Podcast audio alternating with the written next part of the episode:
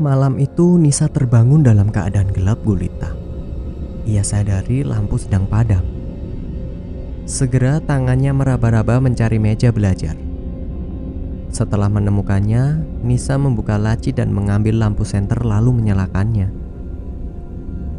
Perlahan-lahan Nisa berjalan menuju dapur karena tenggorokannya terasa sangat kering.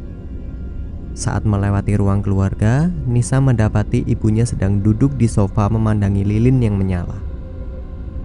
Demi menghemat baterai, ia matikan senter yang sedang ia bawa. Nisa pegang pundak ibunya dan memanggilnya. Ibu, tiba-tiba lilin mati. Keadaan menjadi gelap gulita. Sesaat setelahnya, dari arah dapur, ia lihat ibunya tengah membawa lilin. "Kamu ngapain berdiri di situ?" Ibu menatapnya bingung. Nisa tidak menjawab dan malah balik bertanya kepada ibunya. "Loh, kok ibu di situ?" "Ibu dari dapur ngambil lilin tadi," saut ibunya. "Lalu yang tadi duduk di sofa siapa, Bu?" Apa maksud kamu, Nis? Bu, tadi aku lihat ibu duduk di sofa. Ucap Nisa dengan nada yang serius.